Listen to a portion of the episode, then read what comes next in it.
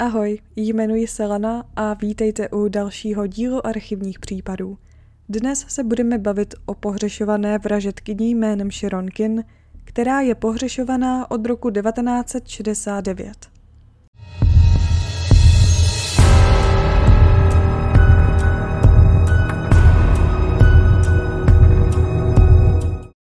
Ještě než se začneme bavit o dnešním případu, tak bych se chtěla vyjádřit k určitým částem dnešního dílu. Je totiž možné, že v některých částech dnešního dílu budu znít trochu unaveně a taky bez energie a bez jakýchkoliv emocí a moc se za to omlouvám. Ale v posledních dvou týdnech jsem byla pořád v práci a neměla jsem skoro žádné volno a tak jsem byla nucena nahrávat některé části právě když jsem přišla z práce – Příští týden by to mělo být lepší a ještě jednou se za to moc omlouvám. A teď už se můžeme jít podívat na dnešní případ. Sharon Kin, původním jménem Sharon Elizabeth Hall, se narodila 30. listopadu 1939 v Independence v americkém státě Missouri. Když ještě byla na základní škole, s rodiči se přestěhovala do Washingtonu ale za pár let se společně vrátili zpět do Independence, kde začala chodit na střední školu. V roce 1956, tedy když bylo Sharon 16 let, potkala 22-letého vysokoškoláka jménem James Kin. James a Sharon spolu začali chodit až do podzimu, kdy se musel vrátit na univerzitu. Tohle se Sharon ale hodilo – Chtěla totiž ze svého rodného města odejít a tak si hledala někoho, kdo by jí v tom mohl pomoct a zdálo se, že James je ten pravý kandidát. Napsala mu dopis, že je těhotná. James byl mormon a proto se bez váhání vrátil domů, aby se o těhotnou Sharon postaral. Zanedlouho se vzali a to 18. října 1956. James se jeden den vrátil domů z práce a v koupelně na zemi našel plakající Sharon, která údajně potratila. Je důležité zmínit, že není známo, jestli Sharon v této době byla doopravdy těhotná, nebo jestli šlo o další bod v jejím plánu dostat se z rodného města pryč. I když to bude teď znít velmi špatně, dá se říct, že James byl v celku nadšený, protože se mohl vrátit zpět na univerzitu. V roce 1957 se Sharon a James vzali znovu. Měli formálnější svatbu a stalo se tak poté, co se Sharon stala součástí mormonů. Po této svatbě se James a Sharon přestěhovali do Provo v Utahu, kam James chodil na vysokou školu. Na podzim toho roku opět musel pozastavit studium, jelikož byla Sharon zase těhotná. A tentokrát už doopravdy. Vrátili se tedy zpět do Independence v Missouri, kde oba pracovali. Na podzim 1957 se jim narodila dcera Dana a později se jim ještě narodil syn Troy. Sharon byla známá tím, že ráda utrácela za pěkné věci a navíc jí nevěra nebyla cizí. Měla totiž dlouhodobý vztah se svými bývalým spolužákem jménem John Boldes – na začátku roku 1960 se James a Sharon rozvedli a to právě kvůli jejímu neustálému utrácení peněz a taky nevěře. Sharon se s Jamesem domluvila na rozvodu, pokud jí tedy James nechá dům, dceru a zaplatí jí tisíc dolarů. Rodiče Jamese trvali na tom, aby jejich syn v manželství zůstal. Sharon ale přemýšlela i o dalších způsobech, jak z manželství utéct – Například jednomu milenci nabídla tisíc dolarů za to, že zabije Jamese, ale poté řekla, že to byl jenom vtip. Ve skutečnosti to ale vtip nebyl. 19. března, rok není znám, v 17.30 Sharon údajně slyšela výstřel vycházející z ložnice, kde zrovna James spal. Běžela do ložnice, kde našla svou dvou a půl letou dceru Danu s pistolí v ruce sedící vedle svého otce na posteli. Zbraň byla poloautomatická pistole ráže 22. James krvácel ze střelné rány v oblasti zadní části hlavy. Sharon okamžitě zavolala policii a sanitku, ale James bohužel při převozu do nemocnice zemřel. Při vyšetřování nebyla policie schopná získat žádné otisky prstů, jelikož rukojeť pistole byla zrovna naolejovaná. U malé Denny ani Sharon nebyl proveden parafinový test na zbytky střelného prachu a podle svědků James často nechával Danu, ať si hraje s jeho zbraněmi a dokonce při zkoušce Dana opravdu dokázala zmáčknout spoušť na pistoli. Výsledek tohoto případu byl náhodná vražda nebo náhodné zabití. Sharon úmrtím svého manžela dostala z pojistky asi 29 tisíc dolarů, což je dnes 230 tisíc dolarů. Tady tedy zůstává otázka, jestli smrt Jamese byla pouze náhoda, anebo součást dalšího plánu. Tímto se dostáváme k další vraždě v tomto případu, ale napřed si o oběti něco řekneme. Patricia Jones se narodila jako Patricia Clemens v St. Joseph ve státě Missouri a byla jedna z šesti dětí. Po dokončení střední školy se v roce 1955 provdala za Waltera Jones, se kterým chodila už během střední školy. Po návratu Patricia začala pracovat jako spisovatelka a Walter se začal věnovat prodeji aut. I přesto, že měl Walter manželku a dvě děti, rád a často se díval i po ostatních ženách. 18. dubna 1960 se potkal s Sharon Kin, když se kupovala Ford Thunderbird za peníze z pojistky svého zesnulého manžela. Sharon viděla Waltera Jonese jako prosperující příležitost k dalšímu sňatku. Walter ale neměl zájem se rozvádět a opustit svou rodinu, i když se díval po ostatních ženách. Sharon se zeptala Waltera, jestli by s ní nejel na výlet do Washingtonu, ale byla odmítnuta. 25. května 1960 se Sharon a Walter potkali znovu a Sharon přišla se sdělením o těhotenství. Čekala, že Walter tak ukončí své manželství a půjde právě za Sharon. K jejímu překvapení se ale tak nestalo a ještě navíc Walter se Sharon tento jejich milostný románek ukončil. Podle výpovědi Sharon, den poté 26. května 1960 zavolala Sharon do práce Patreši, aby jí řekla, že Walter ji podvádí s její sestrou. Později ten den se Sharon a Patricia setkali aby ji Sharon odvezla domů a dál si o této informaci promluvili. Ten den se ale domů Patricia nevrátila. Walter Jones hned druhý den nahlásil zmizení své manželky a začal opovolávat lidi, kteří by mohli vědět, kde se jeho žena nachází. Když zavolal k ní do práce, spolupracovníci Patriši mu řekli, že jí do práce volala nějaká žena, která se s ní chtěla sejít.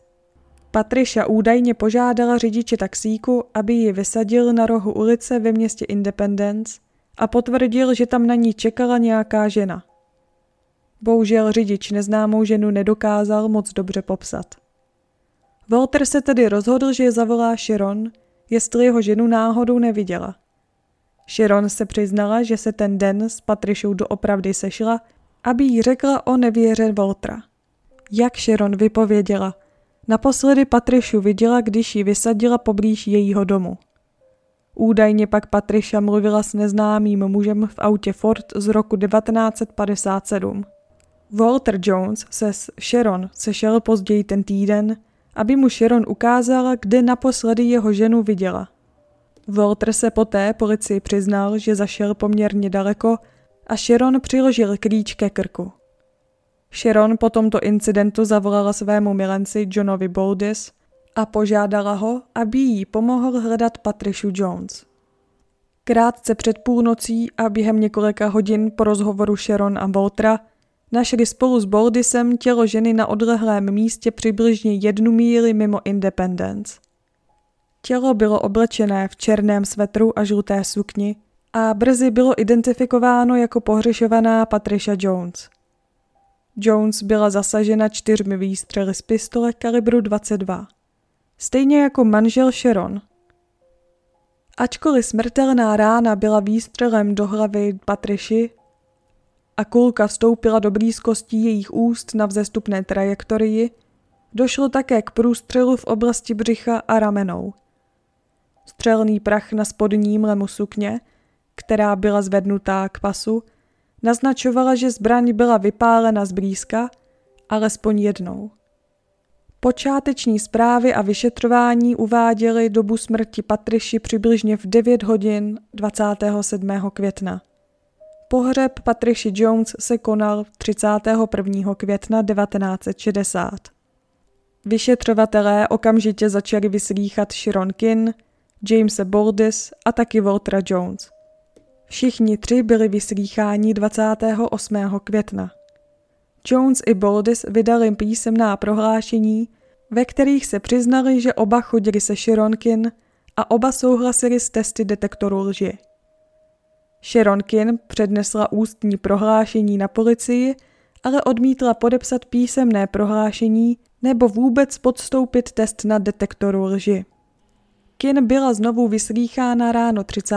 května a Boldis s Jonesem den poté, tedy 31. května.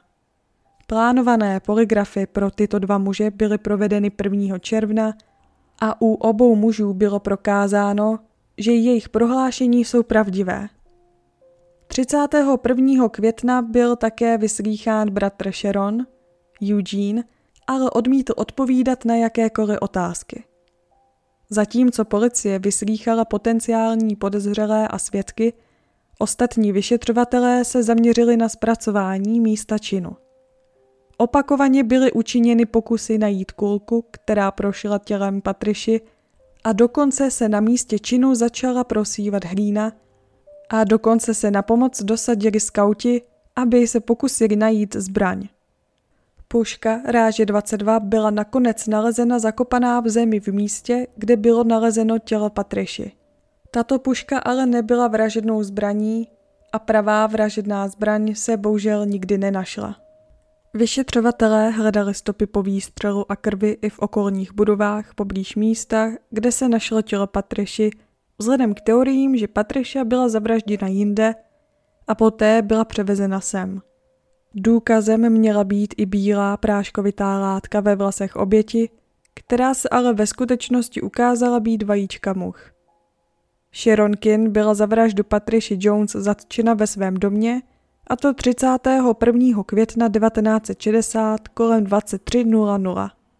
Ve stejný den požádal šerif okresu Jackson, aby státní zástupci zvážili druhé obvinění z vraždy, tedy za smrt Jamesa Kin. Právníci Sharon, Alex Peebles a Marta Sperry Hickman podali druhý den ráno soudní příkaz o habeas corpus, tedy určení, zdali je držení podezřelého před soudem zákonné. Omlouvám se, pokud se mýlím, ale takhle jsem to pochopila. Soudní slyšení odpoledne mělo za následek propuštění Sharon na dluhopis v hodnotě 20 tisíc dolarů – zatímco čekala na předběžné slyšení původně naplánované na 16. června. Pistole kalibru 22 byla v případě vraždy Patricia Jones vyvrácena jako vražedná zbraň, a to vzhledem k faktu, že zbraň Sharon Kin byla stále u policie.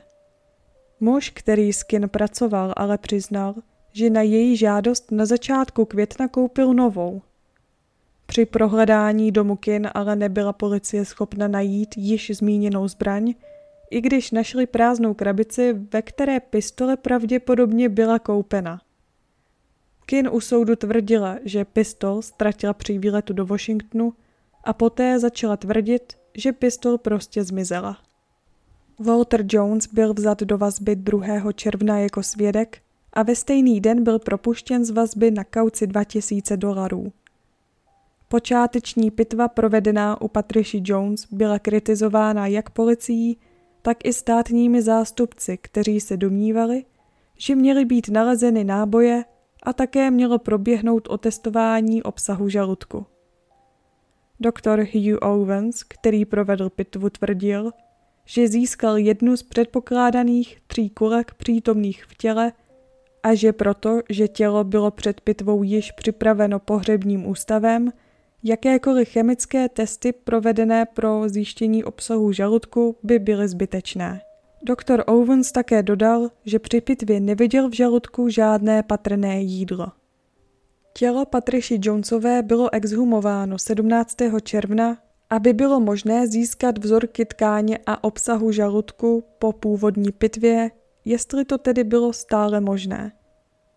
11. července obvinění Sharonkin vyústilo v odmítnutí kauce, ale odvolací soud v Kansas City trest zrušil po zvážení faktu, že v tomto případu figurují pouze nepřímé důkazy. Sharonkin byla 18. července propuštěna na kauci ve výši 24 tisíc dolarů. 16. ledna 1961 Sharon Kin porodila dceru jménem Marla Christine a tak se veškeré soudní procesy spozdily. Argumenty jak obžalované, tak protistrany byly stanoveny na údajných dobách úmrtí Patricia Jones.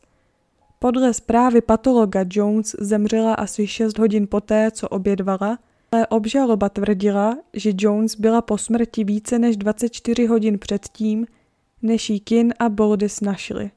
Protistrana si ale trvala na tom, že k smrti došlo 6 až 8 hodin před nalezením těla.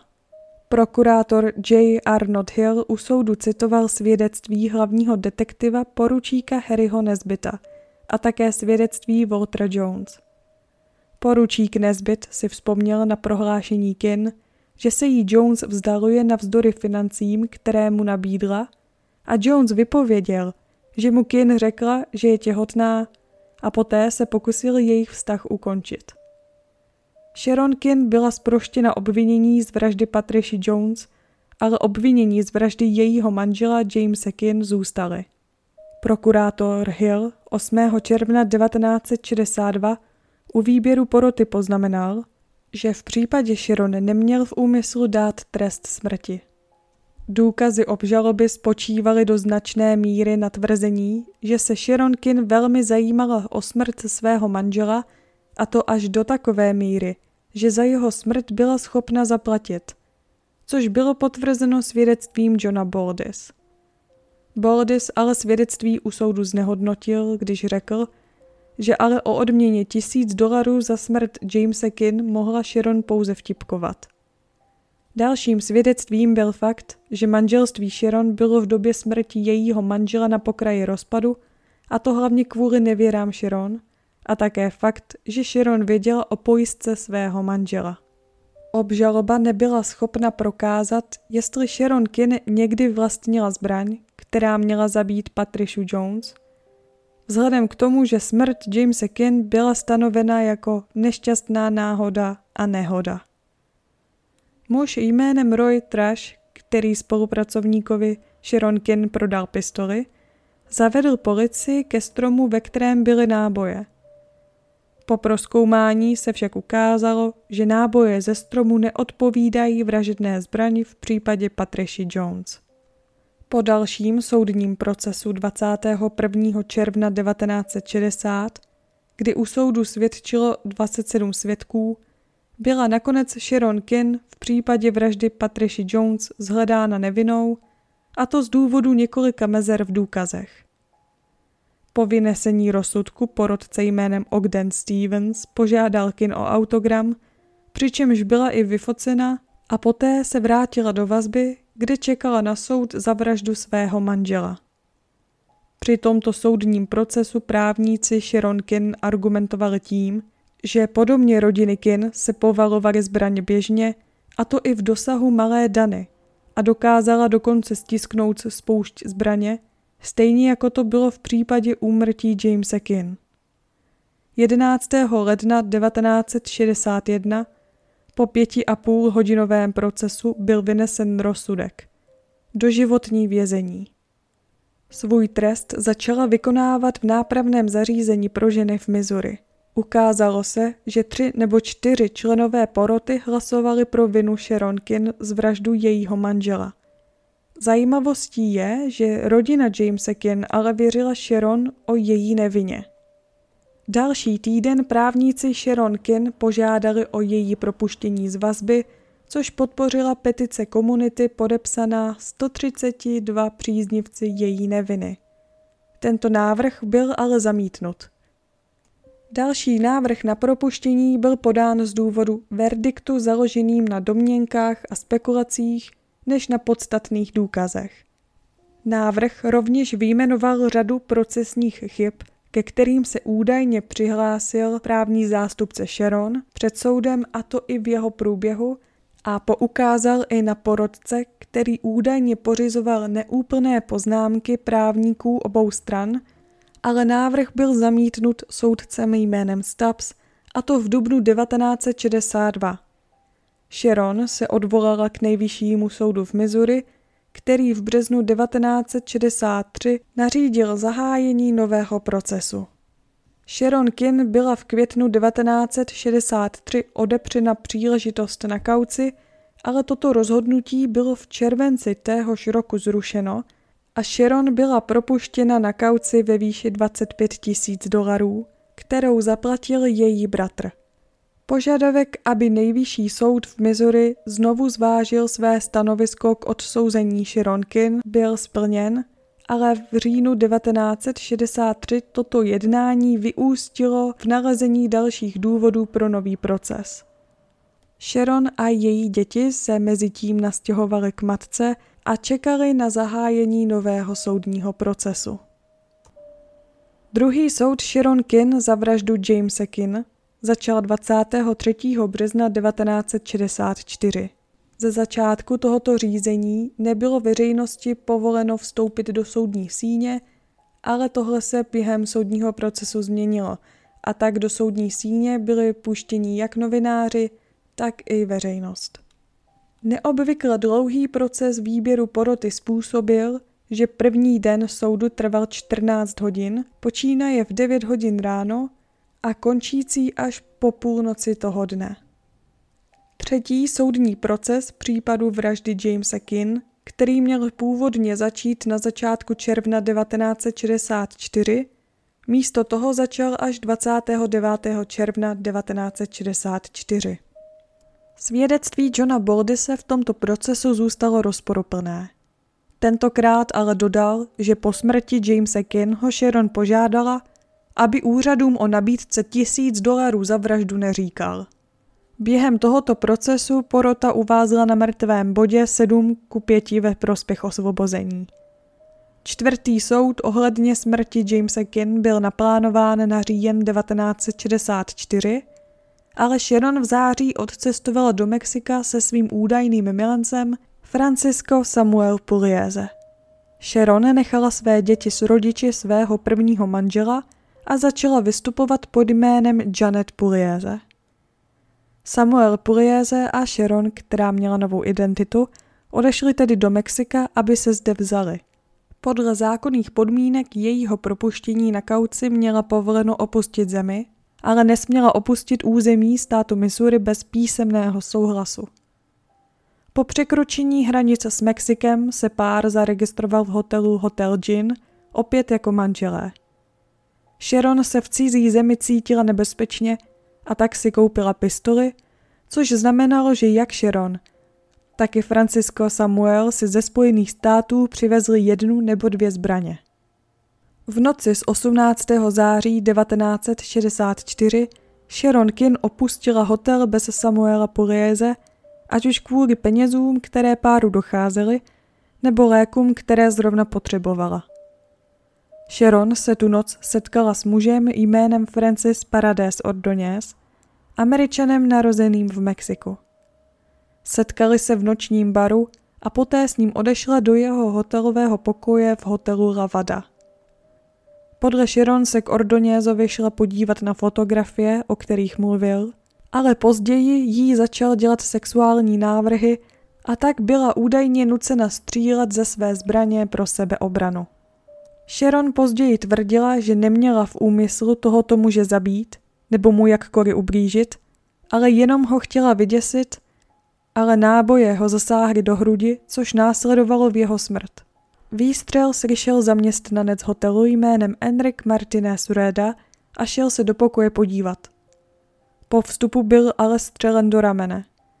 Zraněný Rueda uprchl z místnosti Zamknul Ken v pokoji a poté zavolal policii.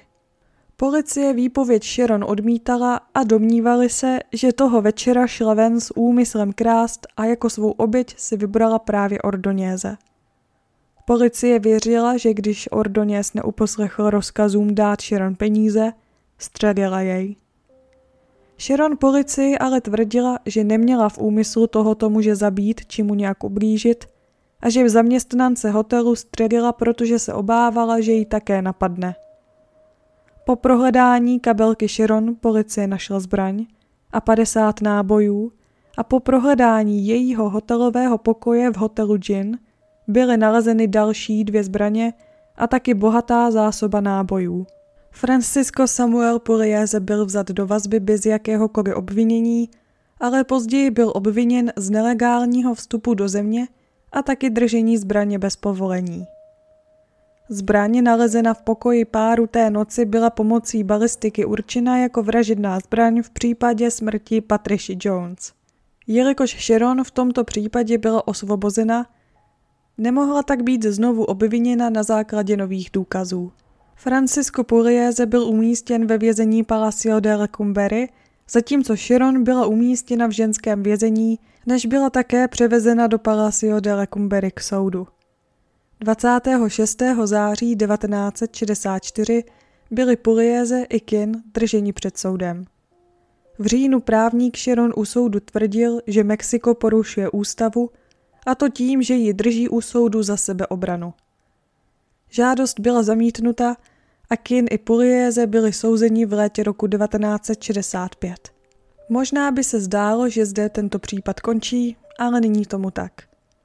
Pugliese byl zbaven obvinění a byl deportován zpět do Ameriky, ale Sharon Kin byla odsouzena za vraždu Ordoněze a to 18. října 1965. Říkalo se, že dostane pouze podmínku a bude také deportována do USA, ale nakonec byla odsouzena k deseti letům vězení. Vrátila se zpět do ženského vězení k výkonu trestu, kde se jí říkalo La Pistolera, což brzy převzal i tisk. Odvolání Sharon Kin její trest nezrušilo, ale spíše prodloužilo. Obvinění z pokusu o loupež bylo zrušeno a místo toho byla obviněna z vraždy na základě potvrzení přesvědčení soudu o tomto činu. Trest se jí tedy zvýšil z 10 let na 13. 7. prosince 1969 nebyla Sharon přítomna na každodenním nástupu v 17.00 ve vězení Istapalapa, kde si odpikávala trest. Její nepřítomnost nebyla oficiálně zaznamenána až do večera toho dne, když se neobjevila ani při druhém nástupu. Navíc zmizení Sharon Kin z vězení bylo nahlášeno policii Mexico City až ve dvě hodiny ráno druhý den. Po Sharon Kin bylo uspořádáno pátrání zaměřené na severní Mexiko, jelikož věřili, že se může vrátit na místo posledního zaznamenaného pobytu kdy byla u bývalé spoluvězenkyně a poté se mohla vrátit zpět do Mexico City. Americké orgány, včetně FBI, byly také upozorněni o útěku Sharon Kin a taky faktu, že se může pokusit dostat zpět do USA. Počáteční spekulace bylo, že Sharon podplatila stráže, aby se při jejím útěku z vězení dívali opačným směrem. Navíc ve vězení toho večera a zrovna náhodou okolo doby jejího zmizení byl nahlášen neobvyklý výpadek proudu a navíc se při vyšetřování výpadku proudu ukázalo, že dveře, které měly být zamčené, zůstaly nezajištěné a také v ten den náhodou bylo ve vězení méně stráží, než mělo být. Další domněnky byly, že Sharon Kin měla kontakt s policistou v Mexico City, který jí k útěku dopomohl, a taky, že v tom byla zapojená matka Jamesa Kin, a pomohla jí utéct, a taky, že v tomto případě jim asistovala i bývalá agentka mexické služby, nebo dokonce, že se Sharon přestrojila za muže.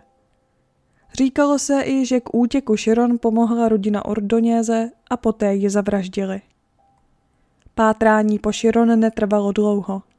18.12.1969 mexická tajná služba prohlásila, že se na hledání Sharon již nepodílejí. Vyšetřovatelé spekulovali i o tom, že Sharon již dávno překročila hranice s Guatemalou. Sharon údajně uměla velmi dobře španělsky a tak je tedy možné, že utekla do jakékoliv španělsky mluvící země.